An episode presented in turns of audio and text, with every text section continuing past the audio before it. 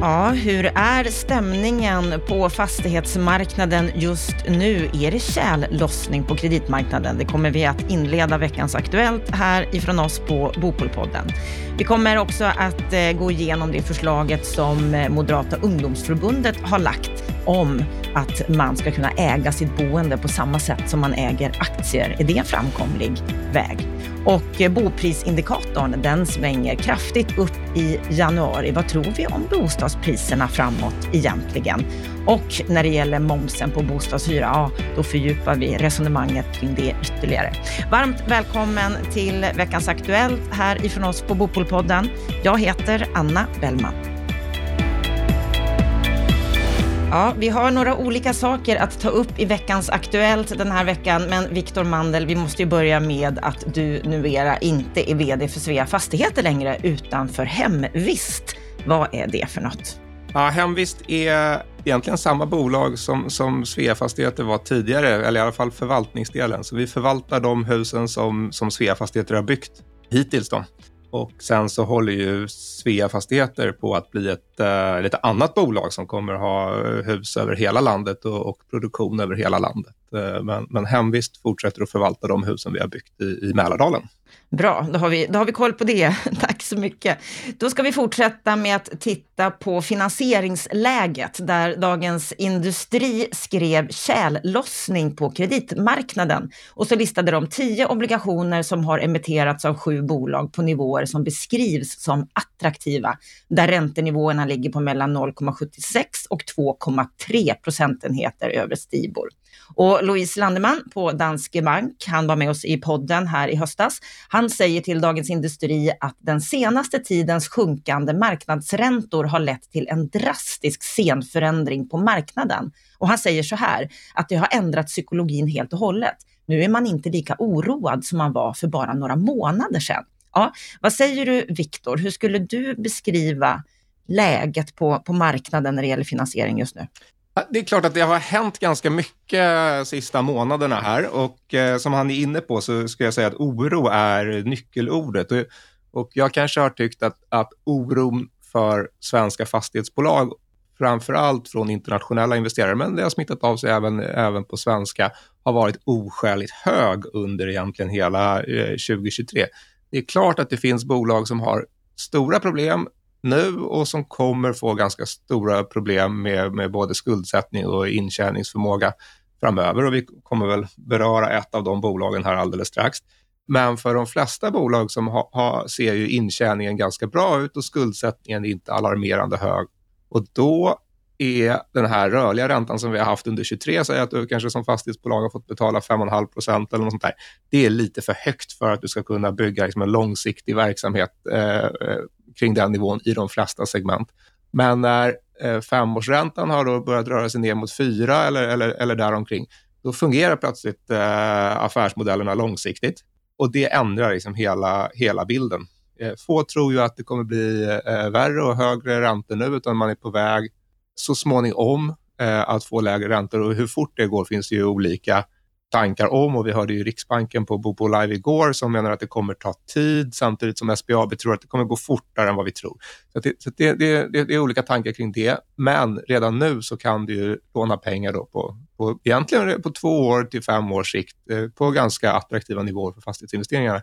Och då är liksom mycket av oron borta. Eh, för då kan du hantera räntetäckningsgrader genom att gå upp lite i bindningstid och samtidigt som man ser att att de här stora problemen generellt sett eh, inte finns, utan de finns i vissa bolag. Så vi kommer att få se betydligt fler affärer, tror du, under året?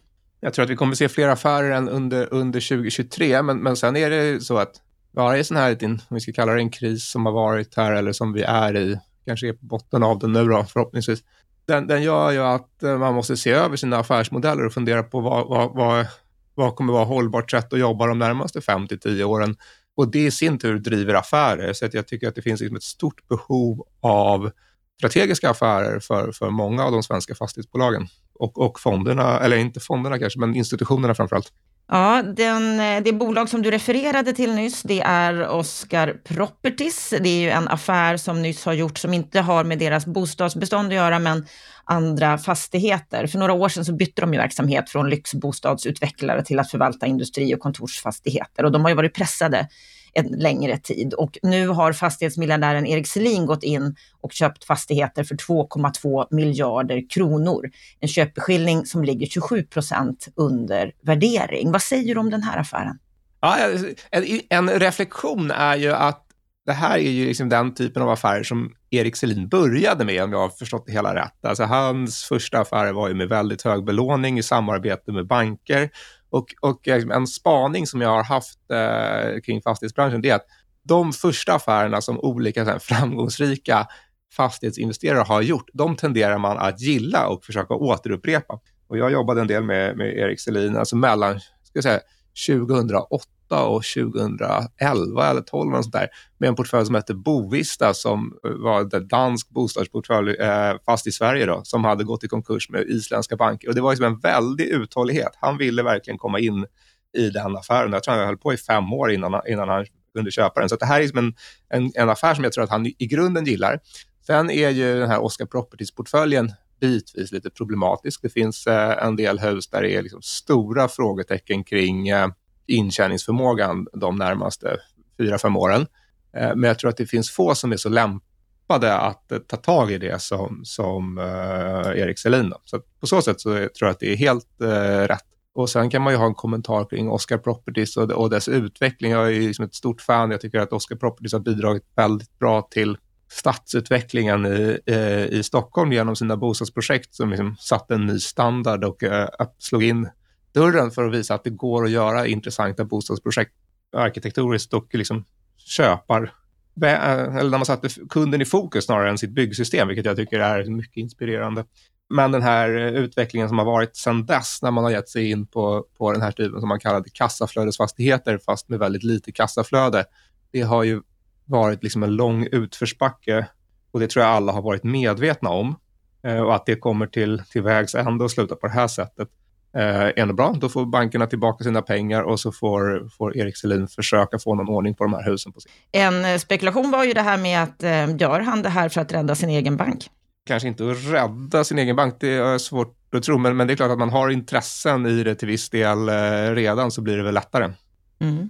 Ja, vi går vidare till en annan nyhet under veckan och det är att företrädare för tre olika moderata ungdomsförbund, bland annat MUS ordförande Douglas Thor, kommer med ett förslag på valbar fastighetsskatt i ett inlägg på DI Debatt. Och deras förslag det är att man ska kunna äga sitt boende på samma sätt som man äger aktier.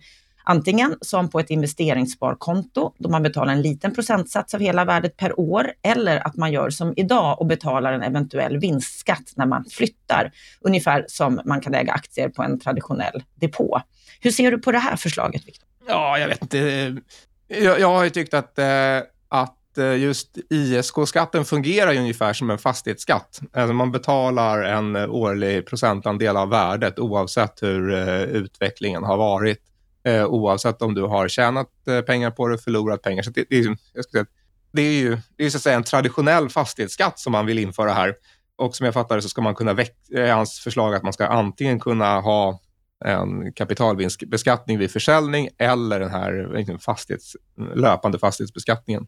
Och jag inte, tycker inte att det känns så jätteattraktivt. Jag förstår inte. Jag tycker att, generellt tycker jag att frågan kring kapitalvinst skatt på fastighetsförsäljningar liksom får lite för stor eh, eh uppmärksamhet. Jag tror, tycker att för många funderar för mycket på det och baserar för mycket av sina beslut på hur den skatten ser ut. Det är en av de absolut lägsta skatterna som finns.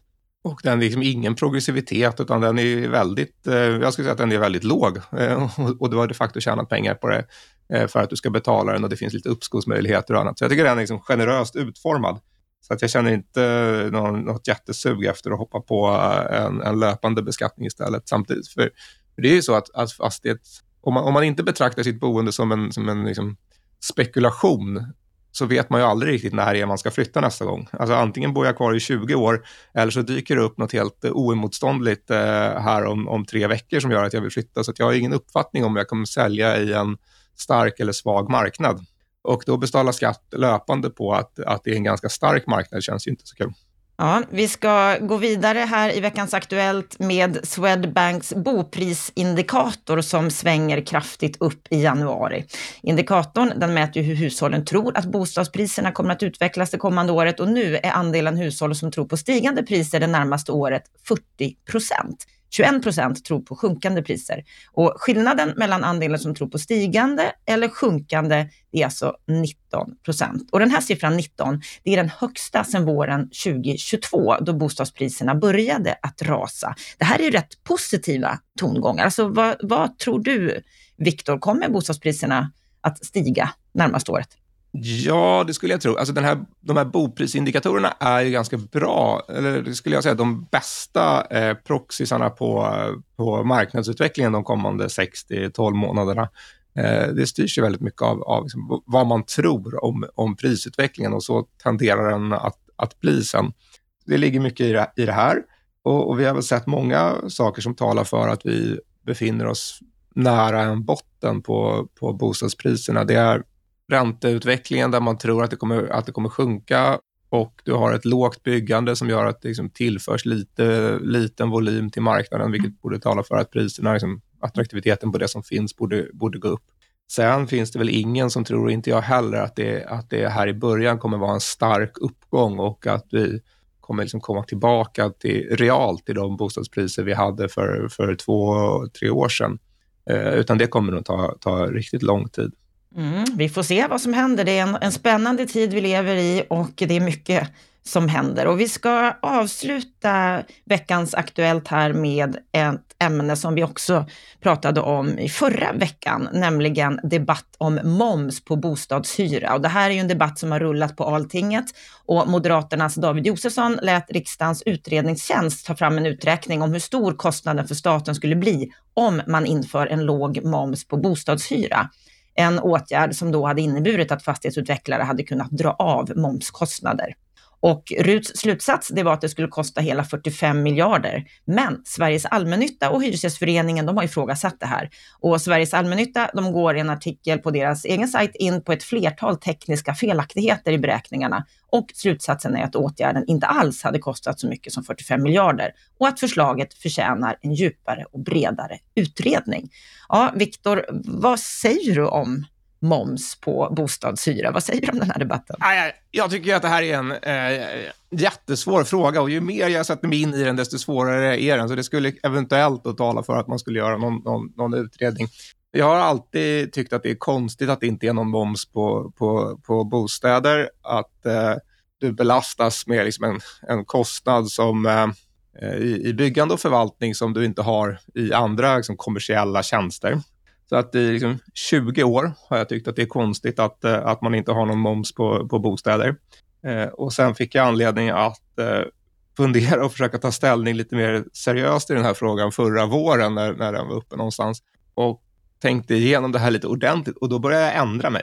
Så jag har gjort en 180 graders eh, ändring i min egen inställning eh, och kommit fram till att jag tycker att det är inte optimalt att det inte är någon moms på bostäder, men konsekvenserna av att införa det är värre.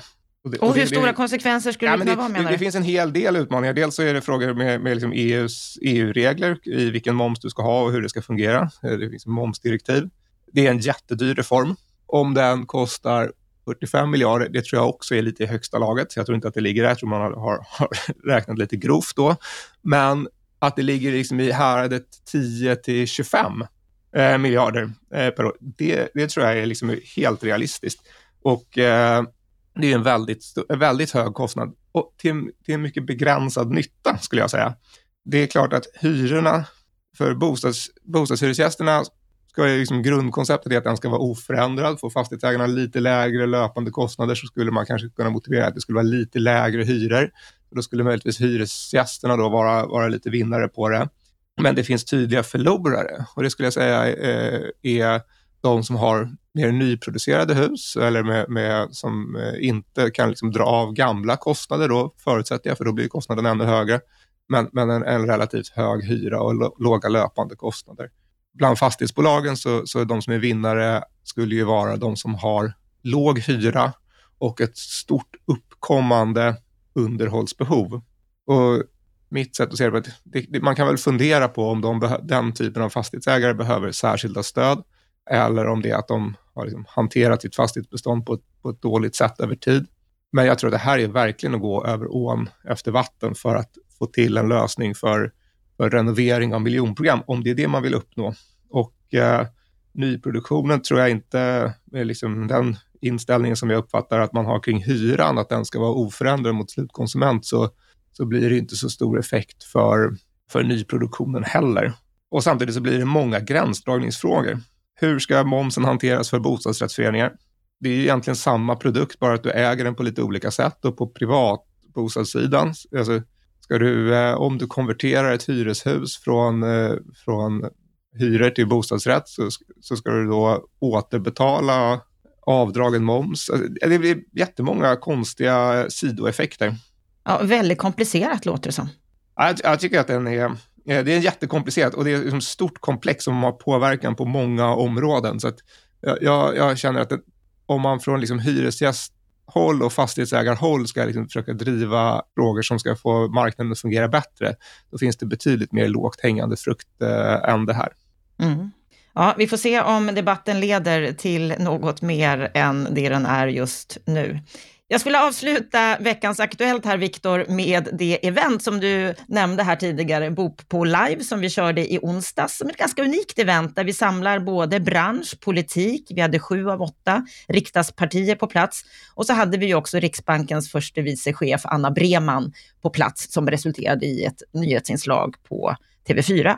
Ja, Viktor, vad säger du om, om den här dagen generellt? Ja, jag, jag tycker att det blev jättebra. Jag tycker att eh, lite den liksom, ambitionsnivån som vi har haft med, med bostadspolitik sista två åren här har ju varit att liksom, ha ett intelligent och informerat samtal mellan branschens olika, olika aktörer och eh, lagstiftaren och liksom kommunala aktörer. Och, och, precis det tyckte jag vi fick till här. Det var tydligt, tydlighet eh, kring, eh, kring var branschen står och vi berörde många lite svåra frågor där det finns stora utmaningar och där, som liksom rör sig i gränslandet. Det är inte, det är inte, vi var liksom inte särskilt inne på, på rent eh, byggtekniska frågor utan mer just i gränslandet. Vad är det som gör, varför ska planprocesserna ta så lång tid och vad skulle man kunna göra åt det rent konkret och hur, hur skulle en, en bättre hyressättning i nyproduktion kunna fungera och, och de bitarna. Så att, och sen så